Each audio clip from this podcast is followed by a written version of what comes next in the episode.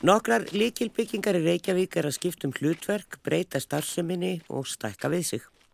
Við ætlum að skoða þrjár þeirra í þætti dagsins og ræða við nokkra aðilar sem að málið varðar. Í stjórnasáttmála ríkistjórnarinnar segir að leysa þurfi húsnæðisvandar lista áskóla Íslands og heyrst hefur að tollhúsið í Tryggagötu komið til greina fyrir listaháskólan. Borgabókasafnið í grófinni er löngu komið á tíma hvað viðhald varðar og starfseminn er að breytast. Svo er það herrkastalinn við enda aðstrættis sem nýlega var seldur kaupendum sem vilja endurgera bygginguna og þar hefjum við vegferð dagsins. Upphafið að starfsemi hjálpræðisessins má reykja til ásins 1865 þegar hjónin Catherine og William Booth hóa að bera út fagnarerendið í fátakra hverfin í Whitechapel í London. Á fáum árum breytist starfsemi hjálpræðisessins út og um allan heim og festi reyfingin rætur hér á Íslandi árið 1895. Starfsemi hjálpræðisessins á Íslandi hófst hann 12. mæi 1895 með úti samkomi á Lækjatorki og samkomi í Góðtemplarahúsinu. Frumherja starfsins hér á landi voru tveir fóringjar, Kristján Eriksen yfir fóringi frá Damörgu á samt kampsteininum Þorsteini Davíðsinni frá Vastal í austur Húnavassíslu. Strax á uppháðsárunu festu þeir kaup á steinhúsi með bæ Reykjavíkur. Í húsinu var lengi reykið gistiheimili en þar var einni starfsemi Reykjavíkuflokks. Á tímabili voru gistuhús hjálpræðisessins opinn á sjö stöðum á landinu. Flest þessi heimili voru reykinn sem griðastæðir fyrir fólk sem hvergi átti höfðu sína halla. Fóringjarnir ferðuðust einni víða um landið og bóðu fagnæðriðrindið á samt því að kynna mannu og starf hersins fyrir landsmönnu. Við Pétur Ármannsson arkitekt mæltum okkur mót við hort kirkustrætis, aðalstrætis og sögukutu. Reykjavík er sko aldilis að breytast þessi árin og uh, við sjáum það hér og þar. Það hefur verið að endur nýja, það hefur verið að byggja, það hefur verið að breyta og uh, ímislegt á döfunni eins og til dæmis hvað verður um landsbankahúsið hvað og koma þar þegar landsbankirinn flytur í nýju bygginguna við, við Kalkópsveg. Við stöndum hér við Herrkastalan og ætlum að byrja þennan þátt þar. E, í frettum eða í blöðum í síðustu vikum átti lesa að það væri búið að selja kastalan og e, það var vietnamsk íslensk fjölskylda sem að kefti hann og uh, fullitt þar í þeirri grein að þau ætla að gera húsið upp og halda bæði ytra og innra skipulegi. Það hlýtur nú eitthvað að breytast inn eða þau ætla að hafa þetta sem gisturími því að herbyggin eru afar smá og gangarnir örmjóir. En húsið var aukstungið ykkur tíman á leiðinni og það er nú meiningin að setja upprunlega glugga held ég og setja þetta upprunlega mynd. Pétur Ármansson, arkitekt, er hérna með mér. E, það stendur hann að blóð og eldur á merkjunni, ég hef aldrei tekið eftir þessu. Ha? Þetta eru leifar, leifar af hjálpræðishernum en Já. það var aldrei síðan að hann yfirgaf þetta húsitt sem var þó búið að vera, hann var búin að vera hérna frá því 1895, þá stóð annað hús hér sem kallað var klúburinn, það var eiginlega, það var aldrei sérstatt hús, það var á tveimur hæðum með svona Valmaþaki, það var kallað Okakeri því að það var, það var ekki svona þak á neinu öru hús í Reykjavík. Mér minnir að það hafi verið byggt um miðja 19. öld og var hérna, stóð hérna fyrir endan á aðalstræti. Þetta er náttúrulega, við erum hérna við endan á eldstu götu Reykjavíkur og hér ákvarðat á þessum blettið, hér er landnámsýninginn og leifarnar af, af bænum sem þar fannst, þannig að þetta er allt saman morandi fordleifum hérna undir þannig að þetta er mjög söguríkur staður. Þetta er einn af uppastöðum uppáspunktum Reykjavíkur að svo má segja sko. En þeir byggja þetta sjálfur hérna já hjálpaðis herrin byggir þetta hús. Já já, hann byggir þetta núverandi hús árið 1916 og það er ári eftir Reykjavíku brunnan og þá eru menn sem sagt 1915 eh, þá hætta menn að byggja timburhús hérna í miðbænum og fara að byggja úr steinsteipu og herrkastalinn er einmitt einn af, eitt af fyrstu steinsteiftu stórhísónum sem rýsa hérna eftir brunan. Húsi var teiknað af Einar Erlendsinni, húsamestara og þetta er eitt af hans fyrstu stóru byggingum úr steinsteipu þannig að þetta er tímamóta hús í þeim skilningi og uh, það er gaman hvernig þetta hús er teiknað sko. Þetta er svo mikill eins og maður segir borgararkitektur. Já. Húsi stendur, það lokar hérna aðalstrætinu en ekki alveg samt fyrir miðju því að það er hluti af lóðinni, stærstu hluti af lóðinni liggur hérna út af tjarnagötu, svona öðru megin við en einar setur ingangin á húsinu, hérna miðju setur hann á, á miðlínu götunar og kallast í rauninni á við bryggjuhúsið við hinn enda götunar sem er núntlega eitt fyrsta hús í Reykjavík sem er svona hannað með tilliti til þess hvernig það situr í, í, í bænum, bæjarmyndinni. Það er náttúrulega gula húsið þarna á móti. Það er orðið gullt núna, Já, mjög já. fallegt, það er verið að taka það í gegn og þar á að koma matarmarkaður og þar var upparlega sko sund í gegn og þetta var svona eins konar á undan póstústrætinu þá var þetta svona hliðið inn í bæinn og það er svo gaman finnst mér hvernig Einar Erlendsson tók upp þetta mótíf hérna við inganginum á húsi og svo hannar hann þannig að hliðarálma húsins, hún er hérna til hliðar, þar eru flest herbyrgin og þar er stóri salurinn svo er sneitt af hotninu hérna af því að, að, því að Suðurgatan kemur hérna svona eins og ská þannig að húsið er einhvern veginn að móta til að taka tillit til aðstæðin allt í kring. Já. Þetta er aldrei erfið lóð en einar leysir þetta, þetta verkefni verði að segja alveg snildarlega vel. Já. Eh, Þetta hús er núna, það var náttúrulega súpueldús hérna síðast þegar ég kom hérna fyrir götu fólk og, og hér veit ég að hafa verið ykkur atkvarf fyrir eh, flóttamenn hér líka í þessu húsi en ég, ég veit ekki hvort það er nokkuð í því núna en þau sem eru búin að kaupa það fullir að það í þessari bladagrein að þau ætla að halda gamla salnum og, og, og, reyna að halda í húsið eins og það er og ekkert að fara að breyta því.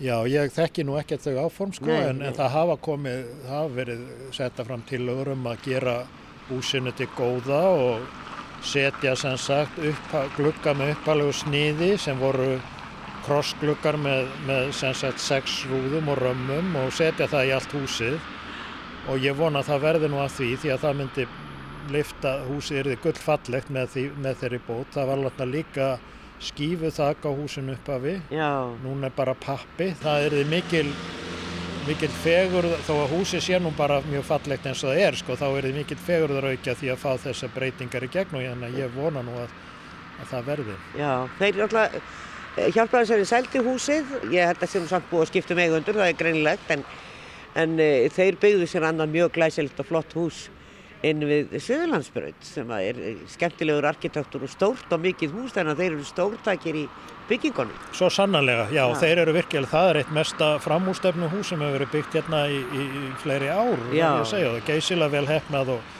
e, það er kannski ekki á stað þar sem að samhengi gefur mikið tækifæri, það er ekki margt í sam, þann- þannig að þar þarf í rauninni nýbyggingin að skapa samhengið Já, og það gerur hún svo sannarlega og það er einhvern veginn, þetta er hús sem að gleður augaði hversin sem að fer þar framhjá. já nákvæmlega, arkitektur að því Alveg eru eins og þetta tröð. gamla hús hérna, þannig að hjálp við eigum reykvikingar eiga hjálpræðishernum bara mikið að þakka, ekki bara fyrir þeirra góða starf, heldur líka og allt sem þeir hafa gert hérna fyrir samfélagi sem er nú ekki lítið, heldur hafa þeir líka skilið eftir sig þessi fallegu og vönduðu hús. Já, taka það fram að það er tegnistofan Tröð sem að hannaði nýja húsið sem er þetta inn á Sölarsbrut. Það er raukt og það er óhjákvæmilegt eiginlega þegar maður keirir þarna framhjá eða gengur að annað en að taka eftir því. Svo er komið hérna, er náttúrulega búið að byggja hérna Pétur. Bara svona við tölum aðeins um þetta því að við ætlum síðan að rölda út í borgarbókasafn og í grófinni og síðan að tollhúsinu. Hér er náttúrulega komið hótel og hér er endurbyggt eh, fjallakötturinn og og annað sem var hér. Það er svona verið að minna á þann stíl sem var hér, gamla stílinn, en svo er alveg splungu nýtt hérna þetta hótel sem er bara, já það er nú svolítið ævintýralegt því það eru svo margir stílar einhvern veginn, þarna er glerþak og þarna er valmaþak og, og það, þetta er svona, já, látið lítið út eins og þetta séu mörg ólík hús. Já, það helgast að því að það er í rauninni byggt upp úr mörgum ólíkum húsum. Það má segja þarna er verið að svona vinda ofan af alls konar skrýtnum skipulags ákvörðunum frá fyrri tíð, eh, sko byggingin á hótelinu sem að rís hérna hæst, sem að núna er komið með svona vafflaga þaki, dökku þakhísi sem að, að gnæfir eiginlega yfir miðbæinn. Sko þetta er, er gamla vestur álman á, á landsímahúsinu og þú sérð að, að hér út af, út af Víkurgarði þá er bara svona eins og brunagafl, það er að vísu búið að gera á hann glugga núna, aðeins að létta á honum en, en sko þessi hlið átt að halda, þessi bygging hún átt að halda áfram á sínu tíma alveg upp að út af kirkjustræti og svo fyrir meðfram kirkustrætun og, og tengjast gamla landsimósinu við Östruvöld mynda svona reyð og aðalstræti átti að verða svona breyðgata Jú, nákvæmlega. Og, og, og hérna miðbæðamarkaðurinn hann átti að verða svona eiginlega uppalega svona paviljón í þessu garðstræti en hann var nú mik svolítið mikið meira en það og hérna stækkaði og stækkaði því að þetta er náttúrulega vandamáli með kosina er, eða sérkenni hennar er náttúrulega það að þetta er allt saman eignarlóðir, rándýrar eignarlóðir og menn sem eiga hér fasteignir, þeir vilja náttúrulega ekki gefa eftir fermetir af því sem þeir mögulega mættu nýta Nei. og þannig hefur nú þetta mótast en það verður nú að segjast eins og er sko aðalstræti var eiginlega það var má segja nánast í bara að tapast þessi elsta gata bæjarins. Þannig að þessi gömlu hús sem búið að, að, að hluta til endur gera og hluta til bara búa flytja, flytja til, það var náttúrulega gamla Ísafóldarhúsi, það var flytt hérna í þessa húsalínu og gerði mjög mikið. Það kom í staðin fyrir húsi nr. 12 sem var fallegt svætserhús en það brann og það var bara rifið. Það er í sennilega hefði sennilega verið gert við það í dag það sko brann ekki til grunna, það bara skemmtist svo er náttúrulega aðalstræti 16 þetta gamla, sem er unni mjög gamalt hús að stopni til þó að það sé búið að stækka það mörgum sinnum og breyta. Já. það fekk að lifa og, og er hluti, er svona kjarnin í þessu hóteli. Og síðan voru, var sem sagt, kom þessi hugmyndum að búa til framhljóðina fjallakettinu hérna sem er gullfalleg en að öðru leiti er það náttúrulega bara nýbygging. Það er búið að gera aðstætti tíu til góða mjög metnaðfullan hátt og mikill fengur að því að eiga þetta svona hús á tímum innréttingana svona stopnið til í sinni uppalögu mynd. Svo bryggju húsi náttúrulega við endan á götunni á norðanverðu.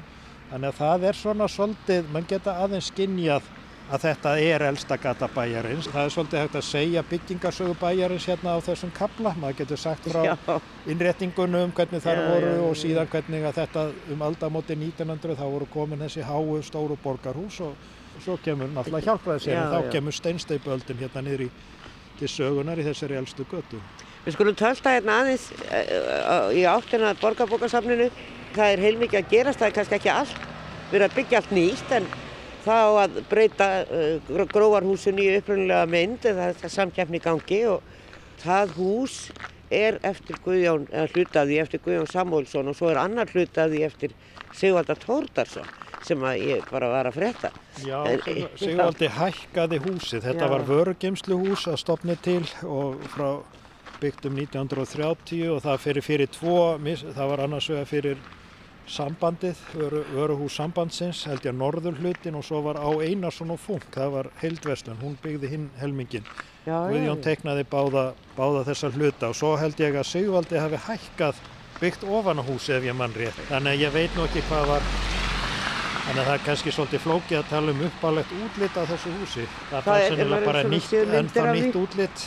Já, já, ég mitt en það er náttúrulega nummer 1, 2 og 3 að losna við þessar plötur sem voru sattar utan á húsið í svona pastellitum og eru orðnar ansið ljótar, slittnar og ljótar. Já, það átti að setja varanlega klæning á húsið. Já, það tókst nú ekki alveg. Það tókst ekki betur en svo. En e, við erum hérna undir hjá svona stúlnagöngum, það snjóar á okkur pjötur. Það er svolítið skemmtilegt yfir með aðalstrætið, sko þessi endurbyggðu gamlu hús hér og eitt flutt og síðan tekur náttúrulega ingólsnaustu við þarna hínum einn, þannig að það er virkilega hægt að segja byggingasöguna hér eins og segir. En við svona, kannski ræðum aðeins um það sem er að fara að gerast í tryggagöndunni, það er náttúrulega á að fara að gera borgarbókarsafnið og, e, og það hús og svo á listasafn Reykjavíkur að fara í allt hafnarhúsið mm -hmm. og vilja yfirlýsing komin held ég fyrir listaháskólan að flytja inn í tollhúsið mm. og þar er náttúrulega búið að vera að gera alveg sko, það er hluti ótrúld að sjá það hús í dag við höfum nú einhvern tíma rátt aðna Pétur og hérna bílastæðin fyrir framann og listaverki nöyt sín enga veginn núna er einhvern veginn sér maður hvað þetta er nú bara doldið glæsilegt svona mótunist hús og Tryggvagatan hefur tekið miklum stakkarskiptu núna síðustu mánuðina bara núna í vetur og það ja. er mikið það er spennandi fyrir borgarbú að fara að skoða hana. Hún er virkilega, já, hún hefur, hefur tekist virkilega vel að mínu mati. Tímabært, hún var nú ekki mikið fyrir augað.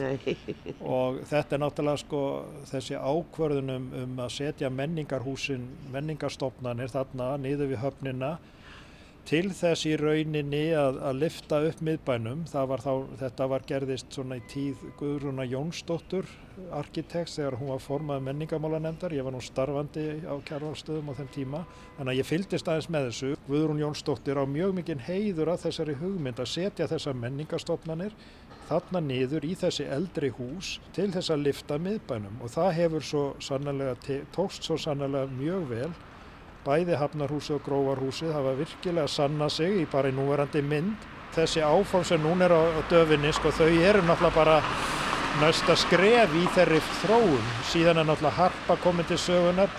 Þannig að ég held að þetta hafi verið allt saman og séu mjög farsalar ákvarðanir þá eftir að koma í ljós hvernig listaháskólinn rúmast í tollhúsinu hann þarf kannski að e, taka eitthvað á húsunum hínum yfir göduna þar sem landsbankin hefur verið og svona þá er þetta svolítið eins og í, eins og í Glasgow, í listaháskólinn Glasgow þar sem sko, listaskólinn er báð í húsum báðum megin við göduna já, já, já, þá er þetta bara listagatan þetta er að gatan liggur í gegnum þetta nýja torg gæti verið svona þungamiðan skó, fyrir skólan ekki bara í einu húsi, ég held að það já, sé já. það er skemmennandi hugmynd. Og svo eru náttúrulega líka möguleikar í Hafnarhúsinu að gera eitthvað, sko efstahæðin á húsinu, hún er setni tíma viðbót og er ekkert sérstaklega prýðir það ekkert sérstaklega mikið. Og hún er að mér skilst illa farin af raka skemmtum og, og að og er ekki byggð úr steipu held ég að nefna litlu leiti, það er ekkert sem mælir á gegn því að að taka hana burt og hanna eitthvað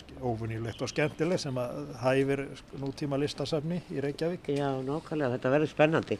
Við verðum eiginlega að snú okkur við Pétur og horfa á Kastalan hérðan, hérna sjáum við, nú erum við komið svolítið frá já, og maður sér það alveg að þessi glukkar sem hafa verið settir, þessar rúður sem hafa tekið þessi póstagluggar og settir svona flatir til að fá meiri byrtu líklega og svo var þetta náttúrulega bara modern þegar þetta var gert. þetta er náttúrulega bara batsins tíma sko, en, en, en samt sem áður sko, húsið er bara það, þrátt fyrir þessa vittlesu glugga þá er náttúrulega húsið mjög fallegt og, og, og sérstaklega ingangurinn og þetta törnmótíf sem að er yfir honum en það er kannski rétt að geta þess sko að húsið var upphálega kjallari, tvær hæðir og rís það brann efsta hæðin á því að rísið einhver tíman þarna og 1929 sko þá er hæk, húsið hækkað um heila hæð.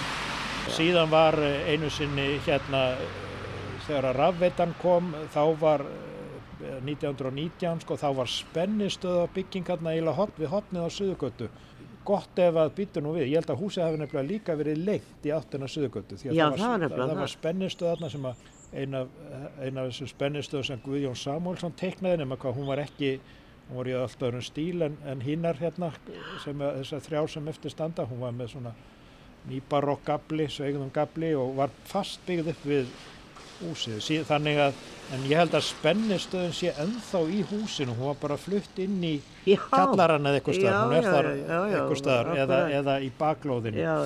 Þannig að hún er ekki lengur sínileg en, en ég held einmitt að þetta er rétt aðtúað að húsið var lengt líka, það var ekki bara hækka, það var líka lengt í áttina söðugötu. Akkurat. Við sjáum hvað setur, þetta verður spennandi og hérna verður gaman að geta farið almennt inn í þetta hús. Ég kom alltaf síðast og fekk mér súpu og taland um það, þá er komið kaffihús hérna á hodnið sem var te og kaffi held ég, Já. sem að hættu og hér er komið Transilvania, matur og brauð og annað og kökur frá Rúmeníu. Já, spennandi, nýbúið afna.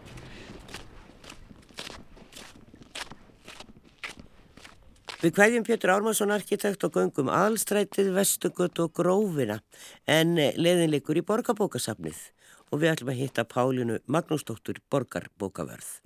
Já, þá erum við komin hér á borgarbókasafnið í grófinni, horfum hér út á höfnina, sittum hér á skustafni hjá borgarbókaverði Pálinu Magnúsdóttur í þessu húsi sem er svo langt séðan að var byggt og maður trúir í vall að, að það hefur verið Guðjón Samuelsson sem að teknaði húsið uppaflega.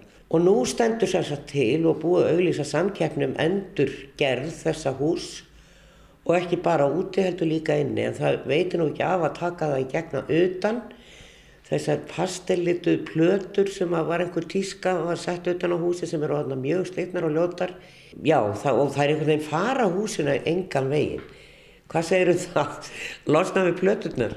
Jú, það verður mjög fínt. Ég get líka sagt svo sem frá því að Guðjón Samúnsson hann teiknaði sem sagt um, þennan hlutahúsins. Þetta eru rauninni tvö hús sem er búið að spyrða saman og, og sá hluti sem snýr hér að tryggvaguttunni, það er Sigvaldi Þórðarsson. Það eru þarna tveir stórir sem að saminast í rauninni í þessu húsi og útlitið þeim meginn var allt öðruvísi en útlitið hérna meginn. Og það stendur nú svona til að endur gera húsið, eins og þú sagðir, um, það var gert upp í, í kringum 2000 og ég held að klæningin sé íslensk. Og hún er alltaf bara orðin batfins tíma og löngu, löngu komið tími að endur njá og það verður að gerast. Og nú er þetta komið sem sagt í forval, þetta er takkja þrepa samkjafni, forval. Og þá að koma með hugmyndir að, að úti og inni uh, eftir ákveðinu forsök sem að, að við höfum skrifað hérna. Og síðan verða fjögur til fimm, fimm teimi valinn til að fara í aðalsamkennina og fá greitt fyrir það og síðan uh, kemur vonandi einhver frábær vinningstillaga. Nú er forvalið í gangi og því líku núna held í, í februar eitthvað svo les. Síðan fer næsta stig af stað og, og þetta, þetta tekur svona rúmlega halvt árið. Yeah og síðan þarf vantarlega, já ég veit ekki, kunnugir segja mér að það takir nú allavega árið að hanna síðan já. á grunni vinningstillögu og um, við erum búin að vinna alltaf þessu mjög lengi, það hefur verið draumur að fá stærra húsnæði, það hefur verið eh, snúið að reka bókasafn á fyrstu, annar og fymtu hæð, við erum alltaf með borgarskjálasafni hérna á þriðju og halvri fjóruðu hæð, við erum sittum hérna á skrifstofunum. Og og orðið allt, allt og lítið. Svo er ljósmyndasafnið þetta líka. Svo er ljósmyndasafnið upp á sjöttuhæð og ekki það hefur verið mjög gott samkúmulag og, og, og fínasta fólk að þessar stofnarnir að búa með í húsi en við erum alltaf mjög fyrirferða mikil hérna. Nú stendur heldur til að, að ljósmyndasafni fari þá yfir í Hafnarhúsið. Sem á líka að breyta í og það verður listasafn og verk Nínu Tryggva að koma þar inn Er meiningin að breyta miklu hér? Nú er hafa bókasafnin verið að þróast í svona menningarhús og það er dagskrá alla daga ímislegt í gangi á bókasafnunum. Hvað viljið sjáu þið að, að gerist hér í grófinni? Já við sjáum að það þarf að opna svolítið mikið á milli. Þetta, þú, það er sko, það er látt í lofts og, og, og þröngt hérna Við erum ekki með neitt góðan fjölnóta sál til dæmis, uh, badnadeildin þurft að vera sko, þrefald stærri af mínu mati. Uh, við fáum líka viðbygginguna ef allt gengur eftir þannig að við erum að tala um að fara úr, já allir sapnis ekki með 2600 fermetra upp í 7600 eitthvað svo leiðis. Þannig að þetta er nánast þrefaldun og veitir bara ekki af þegar maður sér hvernig bókasöfnir að þróast og við náttúrulega bara miðum okkur við þau bestu maður á ekki að hugsa neitt lagar en það. Og horfum mjög til þessara stóru safna, ég, við, við, við við verðum, förum kannski ekki alveg nákvæmlega þangað en við viljum allavega í innihaldi og helst útlýslega séð svona nálgastau og þá erum við að horfa á bara Oti í, í Helsingi og Dasgrana sem er þar inni eða Dokkan í, í Árásum, þetta eru bókasöfn um, sem eru gríðarlega mikið notuð og síðan var Björvika í, í Oslo og opna bara í miður COVID. Og þetta er alltaf slá í gegn sem samfélagshús sem, og það er þanga sem við erum að þróa sem svona félagsmiðstöðar, samfélagshús, eh, einhvers konar menningarmiðstöð. En, en eða svona einhver, einhver svona sambland að þessu öllu og uh, við höfum líka verið að horfa til þess að að þróa einhvers konar borgaraþjónustu, sjá hvort að það virkar ekki vel með, með bókasafni sem svona fyrsta snerting við þjónustu borgarinnar og þetta eru allt svona verkefni sem við erum að vinna í núna og, og skoða og þróa að hvað myndi þá passa best hérna í þessu samfélagshúsi. Áður að tölum aðeins um borgarþjónustu þá nöyti ég yfir þess að við fáum líklega viðbyggingur að líka hvaða viðbyggingu, kveiki ekki alveg á því. Það er búið að byggja hérna við, þetta stóð eitt já, og stakt, þetta já, hús. Já, svo var byggt hér í byli, þetta var bílastæði, en er það ekki bara íbúðir? Nei, sko það eru íbúðir og milli íbúðana og borgarbókarsafsins er bíl sem eru í kringum, ég held 1200 fermetrar eitthvað svo les og, og er í rauninni bara fókælt og stóð alltaf til að borgarbókastafni fengi en svo var það svona, hefur það aðeins verið í, stoppi sérstaklega eftir að þessar hugmyndir komu náttúrulega að við fengjum það allt húsið og það væri þá hægt að hugsa þetta allt saman sem eina heil. En þetta verður myndur að gerast, þess að við komum á borgarþjónustunum, verður að gerast á Norðurlandunum svolítið að bókasöfnin er að taka við því hlutverki að einhverju leiti og þá hvers konar borgarþjónustu, hvað er verið að tala um þar? Það er svolítið samt eftir, eftir dæmis Oslo hafnaði því að fara þessa leið og ég held að bara þótt og dýrt að, að gera þetta. Í árásum er þetta, þetta er svona létt borgaraþjónusta, getur við sagt, og, og það er nú reynda hann í Danmarku, þar getur við sótt um aukurskýrtin og veðabrjöf og uh, þú kýst til Evrópusambatisins og, bó, og bókasöfnunum. Uh, í dokken er borgaraþjónustan. Fer, þú getur farið á gifti og hérna, skilið vantarlega líka. Yeah. uh, sótt um allar bætur uh, sótt um byggingarlefi, gert allar þessa hluti. Allt þetta sem sækir í, í nýri borgatún og, og hverfismustöðarnar og síðan í litlu söfnun, þetta er náttúrulega byggt 10.000 fermetra risa bygging sem að, og hugsað sem sko miðjan í, í borginni síðan í söfnunum, öllum útibúanum, þar er svona létt borgarþjónustu, þar getur þú sótt um leikskólaplassið og, og, og, og svona þetta sem er svona einfaldara. En rýs ekki allir upp á afturfætunar hér í þrönga gamla bænum, hvað eru bílastæðið? Jú, en, en sko, jú, eflaust. Og það er náttúrulega búið að þrengja mjög mikið af okkur núna í öllum þessum framkvæmdum, það er búið að endur gera náttúrulega hérna uh, tryggagutuna hluta og þeir eru að fara aftur á stað og og það er náttúrulega svolítið sérkennilegt í augnableikinu núna hvernig þetta liggur allt saman. Og þarf að þræða því gegnum bæinn til þess að geta lagt hér á bakvið ég hef ekki alveg fengið skýringar af því. En það er náttúrulega komið risa bílastæðuhús bara hérna steinsnar frá. Og ég hef nú grunum fólk sé alveg að uppgöta það. Þannig að það er nú ekkit mjög langt að ganga hér í gegn. Þetta er skemmtilegur viðsnúningur því að við hefum einhvern veginn, eh, mér hefur þótt stundum að ríkja og borg væri einhvern veginn að vinna gegn stefnu borgarinnar að það er alltaf verið að færa þjónustuna eitthvað út. Við segjum bara eins og til dæmis Síslumann hann er komin upp í Kópavó og sömulegis tryggingastofnun. Þetta er náttúrulega ríkisfyrirtæki. Síslumann gefið núna út vegabref en þá var það mögulegt að sækja vegabref hér í gróðunum Já það þarf nú einhver að breyta á Íslandi kannski. Eh, við sko eflust eru lögin eitthvað öðruvís í Danmörku fyrst að borgin sér um að gefa út okkur skýrtin og vegabref en en það væri nú held ég ekki villust að fara í þessar samræður við ríkið um að hérna, skoða þetta. En vanandi eins og mér finnst sjálfri personulega að það sé bráðnöðsil þetta sé gott bókasafni í hverjum hérna, miðbæ og sérstaklega eftir að þau fóru að þróast í þessar samfélagsátt sko. Þannig að við erum hér og, og ég hef þá trúa í öllu þessu stafrænu byltingu og þessum nettheimum sem við lifum í að það þurfum við svona stað svona það sem við mætir og hittir fólk og, og það er stundu sagt að, að þú verður aldrei einmann á bókasafni en þú talir aldrei við neitt þá ertu samt að gera eitthvað með einhverjum bara með því að koma allir eru velkonir og það er ekki þröskuldar og öllum líður vel að koma inn í bókasafnum við fáum hérna sagt, frá öllum í rauninni stjættum samfélagsins um, eru fastakjastriðni hókur og, og, og þessum ólíku hópum líður bara vel saman. Þið hafið verið með hérna dagskrá náttúrulega og ég fæ þennan post alltaf inn til mín hvað er að gerast í söfnunum. Það er mikið fyrir fjölskyldur og krakka. Það er líka mjög mikið í sambandi við tungumál og erlenda íbúa eða semst að íbúa af erlendu bergi brotið og, og, og hérna og það er svona verið að reyna að tengja. Hvernig, hvernig hefur það gengið að ná útlendingunum hérna? Já, á mínum þetta hefur þá bara gengið vel. Þetta er náttúrulega óbúslega stór og mjög ólíkur hópur og við höfum keirt askrá, við höfum sko verið með mjög ákveðina fjölmenningarstefnu og, og dasgrá alveg síðan 2008 hefur verið hérna fyrst verkefnastjóra fjölmenningar í þetta. Uh, núna er stefnan meira svona ég veit ekki hvað þetta heitir, inngilding eða, eða, eða að við, erum, við erum kannski hægt að tala, það er ekki við og þau, það eru, það eru bara við öll. Já, já, og við öll erum að, og við reynum að, að hérna, hafa daskarana þannig að hún hendi reynilega öllum.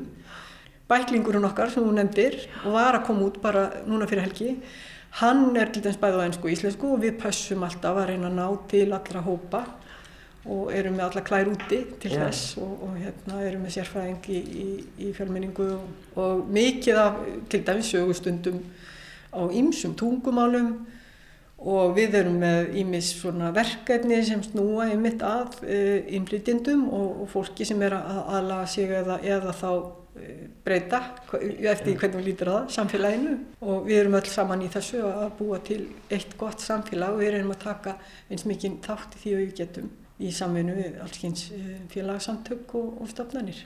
Þessar breytingar gerast bara svona fyrir nokkrum árum þegar það hættu að kalla þetta bókasafn og kalla þetta menningarhús. Eh, það eru ekkert volað mörg ár síðan að þetta Já, bara nafnbreytist. Alltaf nú aðeins að leira þetta, við köllum okkur bókasafn og erum bókasafn og heitum borgarbókasafnið. Eh, við, við skelltum síðan við þessu heiti menningarhús fyrir nokkrum árum, það gerist í saminninguna við Gerðuberg sem var menningarmiðstöð náttúrulega og þetta var samrunni tvekja stofnana og þá bætu þessi aðeins líka til að minna á að bókasöfnin eru ekki bara útlánasöfn, ekki bara staður sem kemur og segir bækur, heldur gerir svo miklu, miklu meira og að, að bókasöfnin í sjálfu sér séu menningarmiðstöðar og samfélagsmiðstöðar Þannig að við höfum við svona tölustundum um að borgarbókasafni, já, söfnin séu menningahús. Þau heita það ekki en þau eru það. Það er náttúrulega þetta safn og svo er safn upp í uh, Sólheimum já. og svo er safn út í Kringlu, það er eitt upp í Árbæ og upp svo, í Spöng. Og svo er Gerðurberg, og svo er Gerðurberg, það er húsi það núna og svo er nýjasta í flórunni Rúlásóttalur. Já, það komið samt þar. Já, og það opnaði bara núna í desember, dásalega fallegt. Það er fyrsta safni okkar sem er með svo kallari umframopnun, heitir opi bókasafn eða umframopnun eða aukaopnun eða hvað sem fólk viljum kalla þetta. Það er náttúrulega bara opið á afgriðslutíma sundlögur hennar því að, að sundlögin og bókasafni deila andiri og þú gengur í gegnum bókasafnið eh, til að komast í sund. En við erum ekki með þjónustöðar nema kannski millir tíu og, og, og átján á kvöldin en það er alveg opið til tíu og það er hægt að fara inn í safni, það er hægt að fá lannabækur, skilabókum. Við erum eh, stefnum að því að bæði sólheimar og kringlan verða svo næstýriðinni að, að verða svona opinn eða umframatning í þeim og þá er það gert þannig að það er sett á kerfi á dittnar í safnið og fólk getur loggað sér inn með eh, skýrtinnu sínu pinnúmeri og getur þá farið inn í safnið, fengið lánað, skilað, telt við nágrannan um, haldi lítið fund eða hvað sem maður vil gera. Þannig að þetta er orðið regla fyrir eitthvað undatekník. Öll söll, til dæmis í Danmörku, meira að minna eru svona. Já. Og þá opnaðu þau 7-8 á mótnana, svo byrtist bara starfsfólkið eitthvað tíman, halv nýju nýju og það getur einhver hitt eitthvað fyrir bara sem sittur þar og leysum breðin og svo lokar kannski 10-11 á kvöldin. Þá lætu kerfi bara vita, nú erum við að loka, eins og það stegi ekki staðinn. Þetta er mikið tröðust því að við erum alltaf svo hrættum að einhver koma úr steli, við treystum fólki ekkert mjög vel, það er einhvern veginn í, í landanum finnst mér oft. Þetta hefur gengið vel það sem þetta er gert. Þetta hefur bara auðvitað gengur á einsu. Eh, þetta er mjög algengt í Nóri, Danmörku, Svíþjóð og það er að dreifast út um allar heim. En mín skoðun er, sko, ég held að 99,1% prósent eh, er bara heðilegt og gott fólk sem að vil eiga gott og fallið samfélag. Og svo, svo koma þessi 0,1% sem að skemma og það er þá bara tekið á því og ég minna það er auðvitað þetta myndavélakerfi og það er lokkað inn og það er alltaf rekja hver var í hús, hver kom í safni og hver Já. gerði hvað og... En við ekki viltum þetta brjótast inn Nei, eiginlega ekki, ég myndi ekki gera það. Nákvæmlega, þetta er spennandi. En þá spyr maður náttúrulega þetta stendur fyrir dyrum, samkjafnin er farin í gang. Þannig að það líður einhver tími, segjum kannski tvö ár þá fórvarliði allaveg með eitt og halvt ára eitthvað svo leiðis hvað verður um ykkur á meðan? Já, það er vonu að spyrja og, og við spyrjum og starfsfólki spyr en, en það er náttúrulega svona verkefni útaf fyrir sig. Hvað verður um okkur á meðan? Og það er, ímsar sviðsmyndir náttúrulega uppi og, og við náttúrulega förum bara í góðri samvinnu við umhverfis og, og skiplas svið hérna, borgarinnar og skoðum hvað við getum gert. Hugst kannski pop-up sapn einhver staðar kannski fær okkur byrja viðbyggingunum fær okkur yfir en það er enda svolítið erfitt meðan var vel að byggja hana þá voru hér borrljóð í marga mánuði. Veist, það, það er í rauninni svo margt að gera og það er í rauninni bara verkefni út af fyrir sig. Við finnum bara út úr því hvernig við veitum miðborgar eh, eh, bókasafs þjónustu rétt á meðan að þessu öllu stendur. Það verður bara spennandi. Við, það, er, það er bara skemmtilegt. Við výlum ekkert fyrir okkur hérna. Prófa okkar nýtt Sagði Pálína Magnúsdóttir borgarbókavörður aðeins lengra í tryggagötu stendur tollhúsið sem kemur til með að breytum stafsemi ef listaháskólinn flytur í húsið. Rektor skólans er Fríðabjörg Yngvarsdóttir. Já, þarf tollurinn endilega að vera nýri bæ, þarf hérastómur endilega að vera nýri bæ þetta eru svona byggingar sem að maður getur alveg hugsað sér að koma eitthvað annað í sem að skapa meira mannlif í borginni. Það er ekki mikið mannlif í kringum skrifstofubyggingu og svo í kringum hérastóm. Við ætlum ekki að tala um hérastóm, við ætlum að tala um tóllúsið sem er í Tryggagötu með þessu fallega verki gerðar Helgadóttur Mósækverk sem að hefur ekki notið sín fyrir nú eftir að bílastæðin hurfu og það er hérna ótrúist að ganga þarna fram hjá núna á, á breyðri gangstett og, og geta séð verkið og allt í hennu tekum þar eftir þessu húsi sem er eftir Gísla Haldursson arkitekt sem að teknaði nú alveg fjöldan allan á byggingum og meðan hann lifði. En þangað hefur hugmyndin flóið af stað að listaháskóli Íslands flyti. Og ég held að lítist nú bara mörgum vel á það. Það er gott að fá skólan þarna neyrir og inn í miðjaborgin og það skapar líf og, og þetta er nú aldrei fólk sem er á ferðinni. Ungir listnemar. Við erum komin hérna upp í, í Þverholt eh, þar sem að skrifstofa listaháskólans er í gamla djefafhúsinu, þetta vita nú allir, hér er hönunadeildin í þessu húsi og svo er listdeildin og leiklistin inn í löganessi. Fríða Björk Ingvarsdóttir, rektor skólans, það eru þessi tvö hús sem þeir eru að rekka núna. Ég heyrði líka einhver tíman að, að það væri einhver dansalunir í posthústrætti. Nei, við erum að reyka í raun og veru sko uh, fimm byggingar. Já. Við erum í, uh, hérna í Þveirholtinu þar sem að uh, hönnunardeildin er og arkitektudeildin og stóðþjónustaskólans. Síðan erum við með dansal og svart boks nýri austustræti fyrir ofan grillmarkaðin. Það sem að nýja bjó var í gamla dag. Það reykum við tvo bara mjög glæsilega dansali eða, eða sem sagt sviðslistasali. Við erum með alla tónlistadeildina í Skipholti Hvar, hvar í skipholti? Eh, þar sem að um, við, við hlýðin á gamla tónabíó. Já. þar sem að hérna, skjáreitn var í gamla dag og þar eru við með, með sagt, á, á þremur hæðum í raun og veru, við erum í kjallaranum og síðan á tveimur efstu hæðunum og vorum að byggja líka við til bráðabyrða, reyndar því miður eins og svo margt sem er gert í okkar húsnæðismáli, það er alltaf til bráðabyrða uh, vorum að byggja þar tónlistarsal og svo erum við náttúrulega í lauganesinu og þar er, er listkjærsla og uh, myndlistadeildin og sviðslistadeildin og síðan erum við að taka uh, í nótkun enn, enn eina bygginguna nýri borgatúni sem að verður, sem að þar er fyrir hugustar sem er kvikmyndadeildar. Já, nú er kvikmyndaskólin að koma hér inn í haust. Já, kvikmyndadeild er að koma hér inn hjá okkur, ekki kvikmyndaskólinn per se, en við sem sagt munum taka nefnendur já í kvikmyndanám, þá eru við fann að spanna alla listgreina sem sem að hægt er að hugsa sér að, að, að eiga nema á háskólastíi. Já. Já. Svona þegar mann heyri þetta þá hugsa maður býtu við tóllhúsi nógu stórt.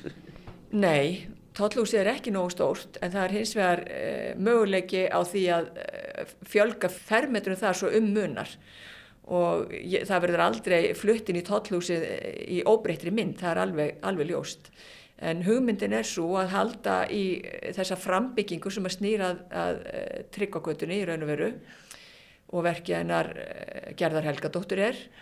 En það sem er fyrir aftan og snýr út að sjó sem eru gamlu vöru skemmurnar og tollaskemmurnar og það allt saman að það í raun og veru hverfi og þá þarf að byggja í raun og veru kannski tvær hæðir eða allavega einu og hálfa ofan í jörðina og, og sagt, jafnhátt hotlúsinu alveg út í götu til þess að þetta, þessi starf sem okkar rúmust all á þessum reynd.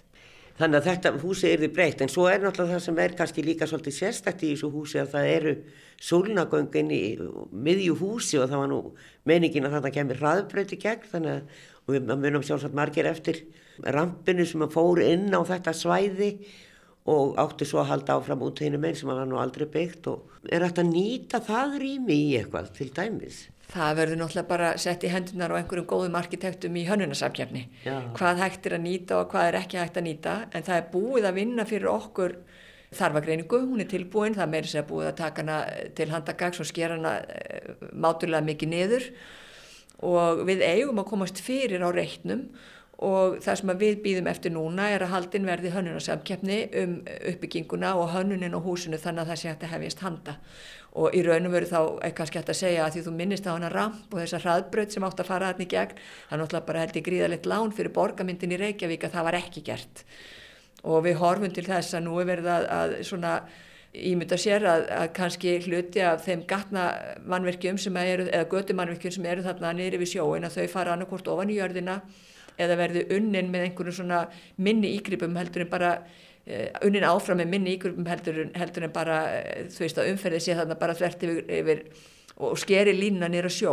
Og ég held að við sem listaháskóli gætum orðið afskaplega skemmtilegt og mikið og mikilvægt hreyfiafl hvað var þar bæði mannlíf og menningu á svæði sem er ört að byggjast upp sem einhvers konar svona útisvæði fyrir fólk og við værum þarna í, eh, sko, í samvinnu við Hafnarhúsið sem, sem er náttúrulega verða hús myndlistarinnar. Eh, borgarbókastafni er þarna næsta leiti harpan er svo hínum með við húsið. Og það vantar í raun og veru inn á þetta svæði einsbyttingu af bara venjulegu fólki sem er að sinna sínum erendum í sínu daglega lífi, hvort það er í námiða kennslu eða í aðsókn að, að fjölmörgum til dæmis bara menningaviðbörðum sem við við myndum bjóð upp á til þess að svona kannski jafna út viðveru bara túrista á þessu svæði.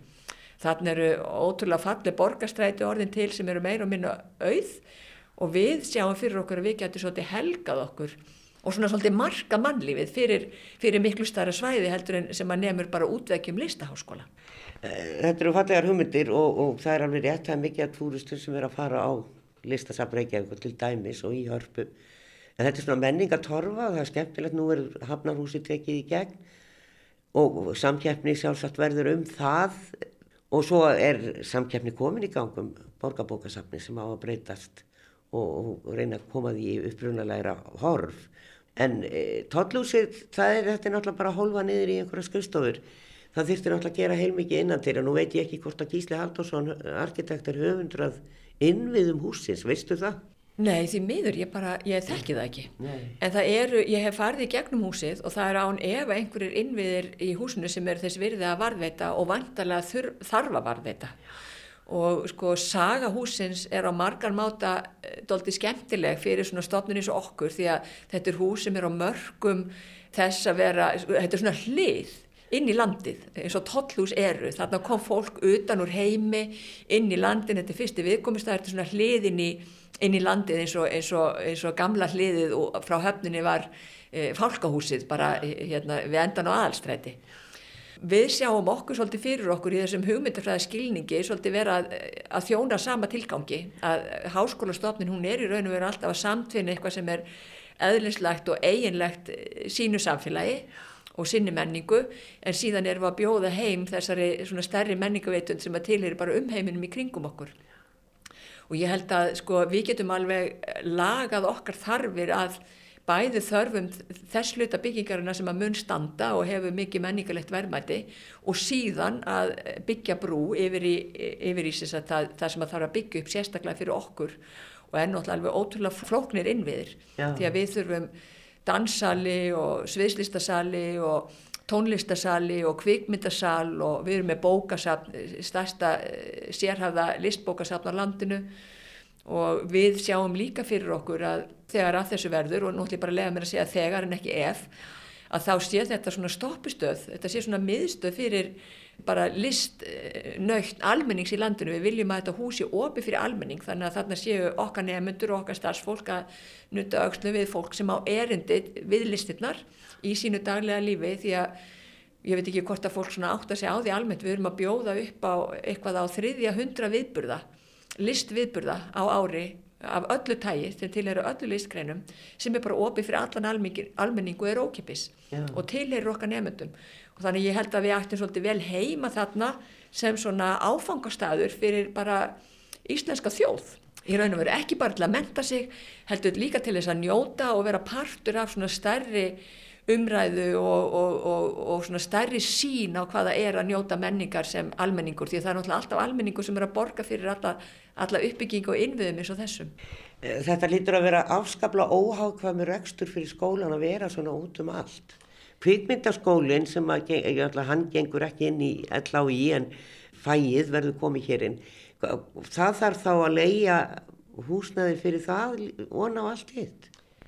Já, ég minna það er og hefur verið okkar málflutningur bara í 10-15 ár. Það er mjög óhagkvæmt að reyka svona litla háskóla einingu í raun og veru. Við erum ekki svo stór háskóli þó við þjónum svona gríðarlega stóri hlutverki að því við erum eini þjóðarskólin í listum á háskólastíði þar að segja.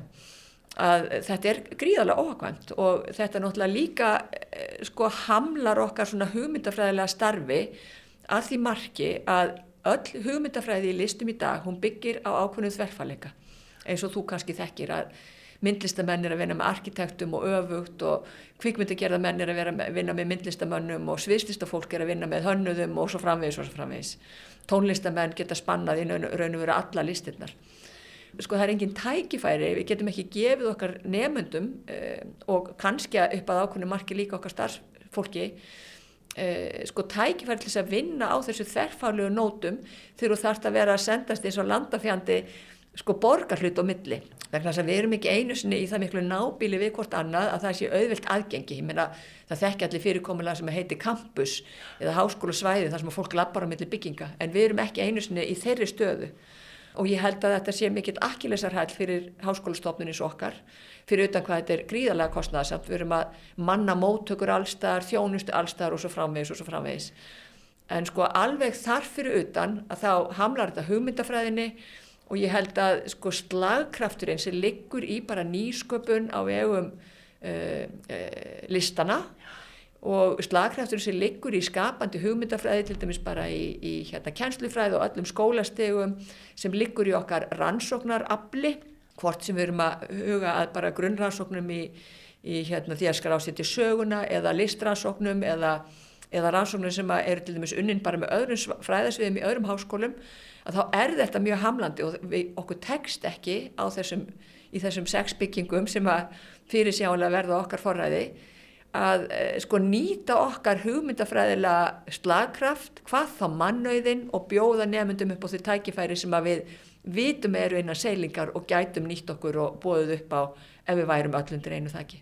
Og það er mikil sóun á bæði uh, aðstöðu og, og svona þú veist, njörvar niður þá hugmyndafræði sem við erum í raun og veru að, að setja fram í orði en getur kannski ekki framfyllt í borði vegna þess að aðstæðan býður ekki upp að það. Ja. Og svo náttúrulega svo ekki sér talað um allt þetta húsnæði er, sem við búum við er bara orðið, eða stór hlutaði er, er orðið illa farið bara þarf að fara að halda í við og það á kannski sérstaklega við í löganesi, það húsnæði sem við leiðum af ríkinu Og svo náttúrulega maður heldur ekki gleyma því að ekkert af þessu húsnaði er hannað fyrir þá starfsemi sem er í því, sem er háskólastarf, Já. sem er mjög sérhælt starfsemi sérstaklega þegar við erum að horfa á tónlist og, og sviðslistir. Það sem að þarf bara að gera mjög eh, miklar sérhæða kröfur og það er kröfur sem voru kannski gerða fyrir 20 árum þegar skólinn var stopnaður eru bara, dög ekki lengur. Við gerum allt öðruvísi kröfu til bara starfsumhverfis allra í dag, heldur við gerðum fyrir 22 árum.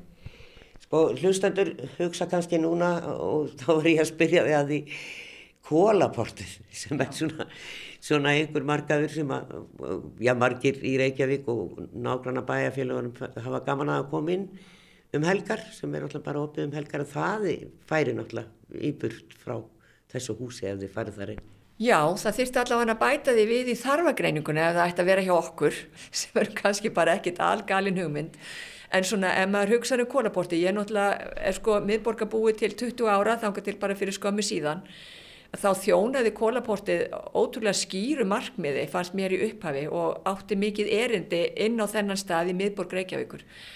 En ef maður um, horfi til þess hvernig borgir þróast og hvernig og hverjir eru til dæmis að sækja kólaporti og hverjir eru að selja sína vöru þar að þá held ég til dæmis að kólaporti gæti átt miklu meira og ríkara erindi einhverstaðar upp í mjót eða á annan stað í borginni heldur en nákvæmlega þarna hafnabakkan þar sem það er statt í augnablíkinu.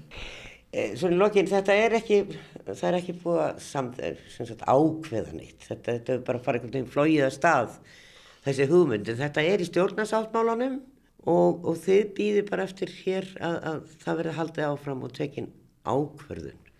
Já, sko, ég lít svo á að ákvörðun hafi verið tekinn því að hún var tilkynnt á bladamannafundi í Reykjanesbæ í ágústmániði síðastlunum og þá var bara beinleginnist tilkynnt að eh, uppbygging fyrir okkur myndi hefjast í þessu húsi og ríkið á húsið og hefur rétt til þess að ráðstafa því.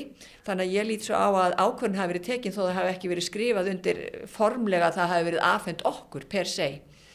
Og það á ennþá eftir að ákveða og það er á hendi ríkisins að stýra því samtali og við býðum eftir því og erum reyndarorðið mjög óþólumóð eftir því samtali. Með hvaða hætti þessu uppbyggingin er fjármögnuð, hvort hún er fjármögnuð fullilega ríkinu, hvort að við tökum að okkur að sjá um þá fjármögnun eða hvort það er einhver svona eh, sambland af enga fjármögnun og, og ríkisfjármögnun og, og þetta samtali er orðið gríðalega brínt og það þarf að eiga sér stað sem allra allra fyrst þannig að það sé hægt að hefjast handa. Því að við erum í tíma hraki með allar okkar byggingar og ekki síst þar sem við erum að, erum að leia af engaðalum þar sem að samningar eru bara í raun og veru að renna út.